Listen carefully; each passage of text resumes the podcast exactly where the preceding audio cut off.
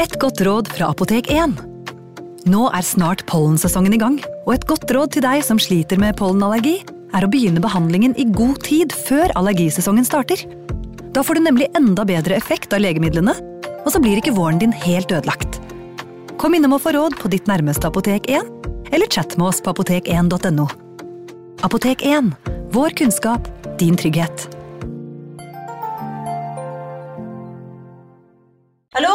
Jeg kommer fra Oslo politikammer.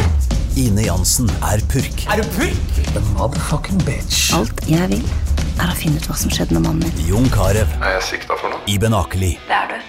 Ole So, Lars Berrum og Big Daddy Karsten. Hvem sin side er du på, egentlig? Anette Hoff, Tone Danielsen, Kommer du fra Afrika? Jørnis Josef, Nesten kløfta. Trond Espen Seim, Det er synd å si det, men det var feil mann som døde. Purk. Premiere tirsdag på TV2 Play. Ungsamtalen fra DNB er økonomisk veiledning tilpasset deg som er ung. Bokk en ungsamtale på dnb.no. slash ung. Det er kjempebra hvis du skal inn på boligmarkedet, hvis det er drømmen din, liksom. Det er det du skulle sagt. Og så kunne du ropt litt mer, da, sånn som jeg gjorde. Bam! Advarsel.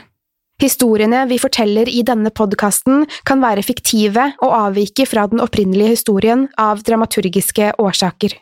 Meninger og påstander i historiene reflekterer nødvendigvis ikke programledernes meninger eller virkeligheten.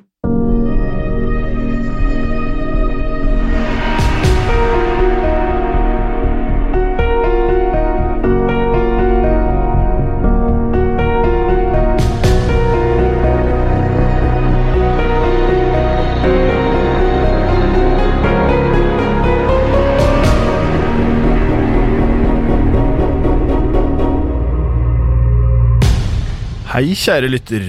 I dag så er det Pernille løst i studio. Det føles uh, veldig ensomt, trist, og jeg trives ikke her uh, alene. Men Pernille hun eh, er, som dere vet, uh, gravid, og i dag så fungerte rett og slett ikke med studioinnspilling for henne. Så da skal jeg prate om huleutforskeren Ted, og det her er da første delen av denne fortellingen, på engelsk Ted the Caver. Jeg vil fortelle om de merkelige og utrolige tingene jeg har opplevd i en hule ikke langt fra der jeg bor. I desember år 2000 tok jeg turen inn i hulen for første gang. Siden da har jeg dratt tilbake flere ganger. Jeg skal bruke utdrag fra dagboken min til å guide dere gjennom hele historien, og jeg skal også kommentere og kaste lys over disse utdragene underveis. Historiene mine kommer derfor i kronologisk rekkefølge. Jeg kommer ikke til å fortelle dere hvor hulene er, for jeg vil ikke være ansvarlig for det andre mennesker kan finne på å bli utsatt for i hulen. Derfor skal jeg kalle den Mysteriegrotten, selv om det ikke er dens virkelige navn. Apropos navn, så er alle personnavnene jeg kommer til å nevne, fiktive. Jeg vil ikke at folk jeg kjenner skal få trøbbel for dette. Om dere syns dette er hemmelighold på grensen til det ekstreme, så mener jeg at dere burde høre historien min før dere avgjør nettopp dette. Huledagboken 30. desember 2000 Kameraten min Benjamin og jeg fant ut at vi ville ta en siste grottetur før nyttårsaften. Derfor bestemte vi oss for å sjekke ut Mysteriegrotten. Den er ikke den mest spektakulære hulen der ute, men ingen av oss hadde drevet med grotteutforskning på en stund, så den var bra nok for oss denne dagen. Grotten ble oppdaget for mange tiår siden, da inngangen åpenbart seg etter noe byggearbeid i området.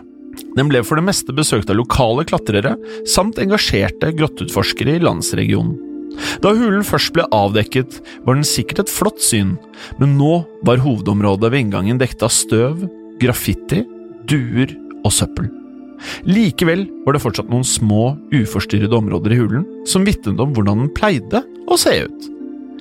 Jeg gledet meg til turen, det var en liten, smal passasje i den nedre delen av hulen, og jeg lurte på om det var mulig å komme seg gjennom denne passasjen på noe vis. Tidligere hadde jeg følt en sterk vind blåse gjennom den smale åpningen. Den var for liten til at det skulle være mulig å klatre gjennom den, og derfor hadde jeg aldri sjekket hva som egentlig var der inne. Det var noe jeg ville finne ut på akkurat denne turen. Hva var egentlig i grotten? Grotteutforskerne pleide å si at dersom det blåser gjennom en hulepassasje, så er det mest sannsynlig noe å utforske der inne. Vi pakket utstyret og kjørte av gårde til mysteriegrotten. Vi festet oss til et solid tre ved inngangen og begynte å klatre ned. Er sånn man kommer seg ned til den virkelige huleinngangen. Man må rappellere ned steinveggene, ned fem meter og derfra klatre over noen steiner. Deretter kommer man til et stort, stort hull i bakken. Dette er hovedinngangen til hulen. Hullet går omtrent 15 meter ned, men man kan ikke fire seg rett ned. Man er nødt til å manøvrere mellom de store steinene som stikker ut. Og huleveggene er dekket av små, skarpe, hvite steiner som gjør det smertefullt å skrape borti veggene. På bunnen av hullet må man krabbe gjennom noen meter med tunnel, før man kommer til et stort rom hvor man kan stå oppreist. Deretter splitter hullen seg i forskjellige passasjer man kan utforske. I de fleste kan man stå oppreist det meste av tiden. To av passasjene leder til vanngroper som man ofte finner i huler. Jeg klatret ned først og samlet sammen utstyret, mens Benjamin kom seg nedover. Benjamin vil dukke opp en del i dagboken. Vi har drevet med grotting sammen i mange måneder. Han fikk en skade i en grotte for noen år siden som gjør at han må ta ting litt saktere i vanskeligere huler. Likevel står han på, og vi jobber godt sammen. Etter at vi hadde utforsket de vanlige hovedpassasjene, klatret vi ned til hullet for å se nærmere på dette. Hullet var dypt nede i hulen, i en hulevegg omtrent én meter over bakken. For å se inn i hullet måtte jeg knele på bakken og dukke under et steinete overheng. Jeg tok frem en liten lommelykt og lyste inn i hullet. Det ledet meg inn i en smal passasje som ble bredere litt innenfor åpningen. Passasjen fortsatte rundt tre–fire meter, etter det ble den mye bredere. Dette kunne være en uutforsket passasje. Kanskje en uutforsket passasje. Man kunne ikke komme inn fra siden vi sto på, men det var mulig at det var en annen utgang et sted som noen kunne gått gjennom. Vi bestemte oss for å forsøke å komme oss inn i passasjen. Først måtte vi forstørre åpningen. For øyeblikket var den bare litt større enn en solid knyttneve. Hvis vi kom oss forbi åpningen, ville vi kunne krabbe gjennom den trange delen fram til hulegangen åpnet seg noe mer. Det ville bli en del arbeid, men vi var fast bestemte på å få til dette. Vi satte oss foran åpningen i noen minutter for å hvile og finne ut hvordan vi skulle gå frem. Mens vi satt der i mørket, hørte vi vinden ule fra den andre siden av passasjen. Iblant hørte vi også en dyp rumling. Vi antok at det var fra lastebilene på veien i nærheten som skapte vibrasjoner i bakken. Etter litt frem og tilbake kom vi fram til at den beste måten å utvide hullet på, ville være å bruke en trådløs drill til å drille hull i steinen rundt oss. Deretter skulle vi bruke en liten hammer til å brekke av biter av steinene. Vi ville utvide hullet akkurat nok til at vi kunne presse oss inn og se hva som var på innsiden. Fylt av nysgjerrighet og eventyrlyst klatret vi opp igjen til overflaten. Vi hadde ikke med oss utstyret vi trengte til utvidelsen. Derfor avtalte vi datoen vi skulle dra tilbake og ta fatt på arbeidet. Jeg bestemte meg for å kalle passasjen Floyds grav, etter grotteutforskeren Floyd Collins, som på 1900-tallet ble sittende fast i en trang hulepassasje og sultet i hjel. Litt morbid, kanskje, men jeg syntes det passet med tanke på den opprinnelige størrelsen på hullet. Ha! I ettertid er det nesten morsomt å tenke på hvor lett jeg trodde det kom til å bli. Jeg trodde det skulle være bare et par timers arbeid, maks. Hadde jeg visst hvor lang tid nettopp dette ville ta, hadde jeg aldri begynt med det. Vel, hvis jeg visste hva jeg kom til å møte her nede, så hadde jeg aldri dratt tilbake dit.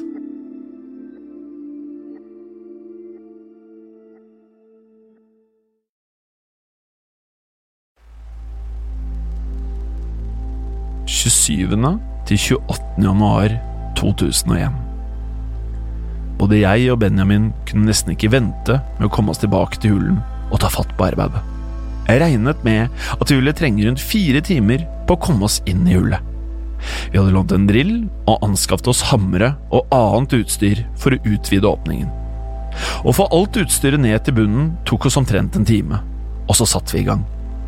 Vi byttet på arbeidet, og etter en time kom vi fram til at dette ville ta mye lengre tid enn hva vi trodde. Steinbitene vi brakka med drill og hammer, var bare på størrelse med en lillefinger.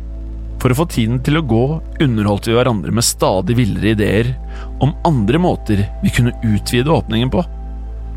Etter et par slitsomme timer var alle de tre drillbatteriene vi hadde tatt med døde. Vi bestemte oss for at det var nok for i dag, og satte oss ned for å hvile litt. Da la vi merke til det igjen. Ulingen. Den virket høyere enn sist vi var her. Vi antok at vinden var litt sterkere akkurat denne dagen. Rumlingen ble også høyere og dukket opp oftere.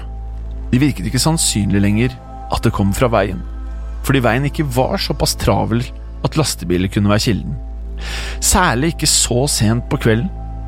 Likevel fortsatte rumlingen med jevne mellomrom. Det virket som det kom fra noe langt inne i passasjen. Lot noe utstyr være igjen i hulen. Planen var egentlig å utforske hulen den dagen, og dra videre til noen andre huler dagen etter. I stedet krasjet vi på et motell, så vi kunne lade drillbatteriene og dra tilbake dagen etter. Dag nummer to gikk arbeidet like sakte i hulen, og da alle batteriene igjen var oppbrukt, var hullet fortsatt langt fra stort nok. Akkurat som dagen før hørte vi den samme ulingen og rumlingen igjen. 10. februar 2001. Bare to uker senere dro vi tilbake til grotten for å jobbe mer med åpningen. Vi kan trygt si at vi var blitt ganske besatte av denne mystiske passasjen. Det sier kanskje noe om hvor spennende livene våre var. Det var ikke som om vi trodde vi skulle finne noe helt utrolig i enden av passasjen. Vi likte bare tanken på å være de første menneskene som satte våre ben på en hittil uutforsket del av hulen. Om vi fant en skjult skatt i tillegg, ville selvsagt være gøy, det også. På vei til hulen fortalte Benjamin at han hadde spurt et par andre grotteutforskere om hva den rumlende lyden kunne komme av. De sa at det kanskje var lyden av vann, muligens et fossefall dypt inne i hulen. De hadde ingen forklaring på hvorfor lyden kom og gikk, men det ga meg enda en grunn til å ville komme meg inn der, så jeg kunne løse dette mysteriet. Denne gangen tok vi med oss Benjamins hund, en Jack Russell-terrier med navn Vilma. Hun har vært med på grotteturer før og oppfører seg pent og lydig inne i huler. Vi brukte et spesielt hundeutstyr for å heise henne ned i hulen, og siden hun alltid holder seg i nærheten av oss, anså vi det som trygt å ha henne med. Denne gangen hadde vi et oppdrag til henne også. Vi tenkte å få henne til å gå gjennom den smale åpningen vi hadde jobbet med. Vi ville se hvor langt innover hun kunne gå. Hvis det var en bratt klippe rett innenfor som vi ikke kunne se utenfra, så ville Vilma bare snu og komme tilbake. Vi regnet med at vi måtte utvide hullet noe mer før hun fikk plass, men at vi ville få sendt den inn i løpet av dagen. Det var en god plan, men idet vi landet nede i hullen, skjedde noe merkelig. Så fort vi fikk Vilma ut av senkeutstyret, begynte hun å utforske området. Det var rene hundehimmelen for henne, der hun løp rundt bena våre og luktet på alt hun kom over. Hun løp fra den ene personen til den andre mens vi tok oss frem til dagens mål. Men da vi kom dit hulen splitter seg i flere passasjer, virket det som hun ikke var så interessert i å utforske lenger. Hun bare gikk ved siden av meg eller Benjamin. Da vi kom nærmere passasjeåpningen, ville hun bare gå rett ved siden av Benjamin. Rett før vi kom til hullet, stoppet hun helt opp, og ville bare gå videre etter at vi lokket henne og kalte på henne. Håret på ryggen hennes sto rett opp. Noen meter unna hullet begynte hun å hvine og gjemme seg bak Benjamin. Hun holdt halen mellom bena og presset seg mot bakken for å gjøre seg liten. Det var merkelig og veldig ulikt Vilma. Jeg har sett henne tøffe seg mot hunder dobbelt så store som henne selv, men nå oppførte hun seg som Satan sjøl gjemte seg i skyggene. Jeg antok at det bare måtte ha vært noen dyr som hadde bodd der, som Vilma kjente lukten av. Med en så anspent og redd hund måtte vi skrote planen vår, for det var ikke snakk om at hun ville gå innover i passasjen. Dermed ble det til at den ene jobbet med hullet, og den andre hvilte litt lenger unna og passet Vilma. Vi byttet hele tiden på jobben. Denne gangen hadde vi tatt med noen ekstra batterier til drillen, men arbeidet gikk fortsatt frustrerende sakte. Vilma rørte seg ikke fra der hun lå på utstyrsbagen vår. Hele kvelden lå hun der og skalv, og noen ganger hvinte hun også. Jeg tenkte ikke stort over det da, men hun stirret bare på hullet hele tiden vi var der. Vi burde ha stolt på instinktet til Vilma. Da vi var på det fjerde batteriet, stoppet Benjamin et øyeblikk og kikket forvirret inn i hullet. Da jeg spurte ham hva som foregikk, sa han at han hadde hørt en merkelig lyd fra passasjen. Han sa at det var som stein som skled og ble dyttet hardt mot hverandre. En dump, skrapende lyd. Jeg antok at det bare var lyden av drillen som ga gjenlyd i ørene hans, siden han hadde holdt på så lenge. Etter hvert gikk Benjamin tilbake til arbeidet, men noen ganger bare stoppet han og lyttet. Jeg var ikke særlig bekymret, og sa til han at hvis han virkelig hørte noe rart, så ville vi finne ut hva det var når vi kom oss inn i passasjen. Da det siste batteriet ga seg, ville jeg sjekke om jeg kunne stikke hodet gjennom hullet. Det viste seg å være mer enn nok plass til hodet mitt, men skuldrene mine var fortsatt for brede for åpningen. Idet jeg stakk hodet inn, oppdaget jeg noe merkelig. På et eller annet tidspunkt den dagen hadde vinden stoppet. Tidligere hadde jeg kjent en konstant sterk bris fra åpningen hver eneste gang jeg hadde vært der, men ikke nå lenger. Vinden var borte. Etter vi hadde lyttet en stund, oppdaget vi at rumlingen vi hadde hørt tidligere, også var borte. Denne gangen var alt merkelig nok helt stille. Jeg hadde blitt så vant til å høre vindens konstante uling at stillheten nesten gjorde meg ukomfortabel. Denne før så ordinære hulen begynte å bli ganske så mystisk. Etter å ha sittet der en stund uten å komme på noen fornuftige svar, dro vi opp til overflaten igjen. Vi lot noe av utstyret være igjen denne gangen også, og bare puttet det inn i hullet. Ingen grunn til å ta med seg alt opp. Dessuten var vi for slitne til å bry oss om om noen andre skulle utforske området. Vilma ble sprudlende glad da vi endelig kom oss ut av hulen. Hun løp rundt og logret med halen. Den tidligere oppførselen hennes hadde forduftet. I ettertid innså jeg at vi overså mye av det merkelige i denne hulen, fordi vi var så opptatte av å komme oss inn i passasjen. I hodene våre var de bare distraherende detaljer vi kunne undersøke ordentlig når vi først kom inn. Egentlig burde det vært mer som Vilma.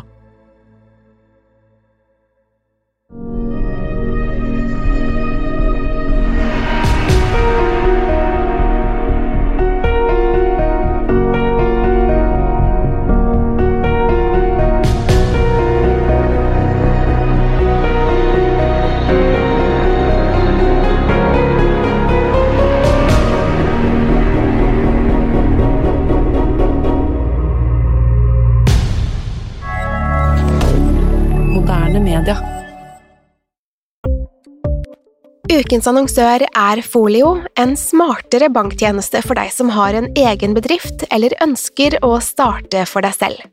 Folio er en superenkel nettbank for bedrifter. Som kunde i Folio får du en bedriftskonto med et bedriftskort og app.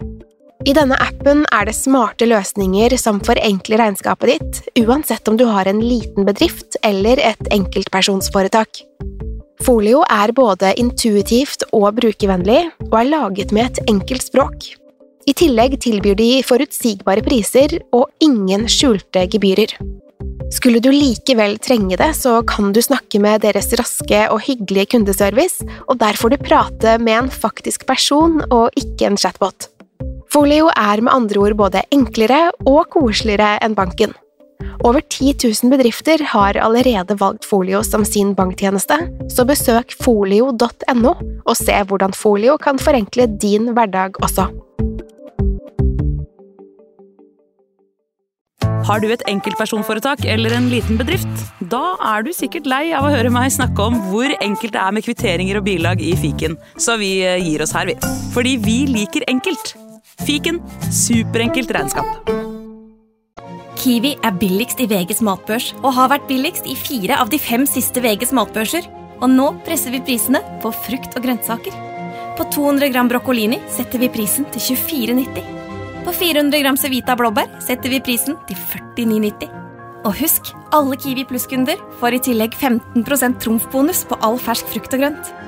For det er vi som er prispresserne. Og vi i Kiwi gir oss aldri på pris.